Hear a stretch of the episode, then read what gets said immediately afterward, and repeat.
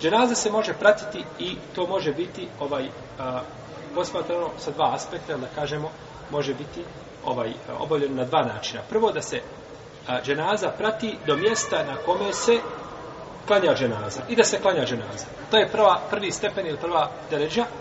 I druga deređa jeste da je pratiš od mjesta na kome se, nakon što si klanjao dženazu svakako, od mjesta na kome se klanjala dženaza do mezara. To je drugi stepen u druga deređa. Jer je došao u hadisu Ebu Horeire, koga bilježio Buharija i Muslim, da je poslanik sallallahu alaihi wa sallam rekao, ko prati dženazu, dok joj se ne klanja, dok ne bude znači obavljena dženaza namaz, ima jedan kiraf. Nagrada mu je jedan kiraf. A ko bude pratio dženazu do njenog ukupa, ima nagradu dva kirata. Pa su upitali, Allahu poslaniče, a šta su to dva kirata?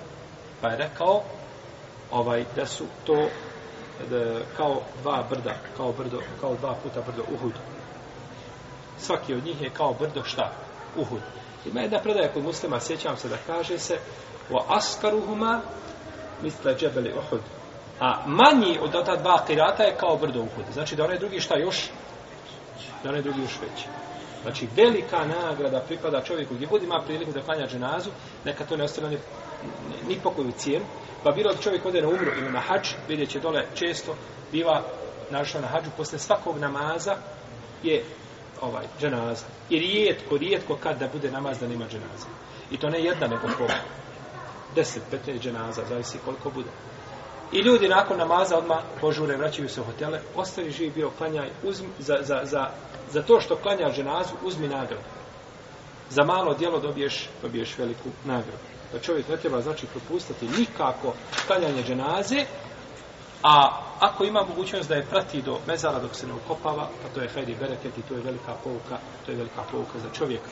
Jer braćo, ko živi daleko, ko živi utopljen u ovaj svijet, i ne prisjeća se smrti. Ne razmišlja da će se jednom dana vratiti svome stvoriti raza ođel, pa njegova pravila će biti poremećena u životu. Samo onaj ko se prisjeća smrti, kako kaže poslanik sallallahu alaihi sallame, uz guru hadimen lezat. Sjećajte se onoga što će prekinuti vaše naslađivanje. Mislim na smrti, sallallahu alaihi sallam.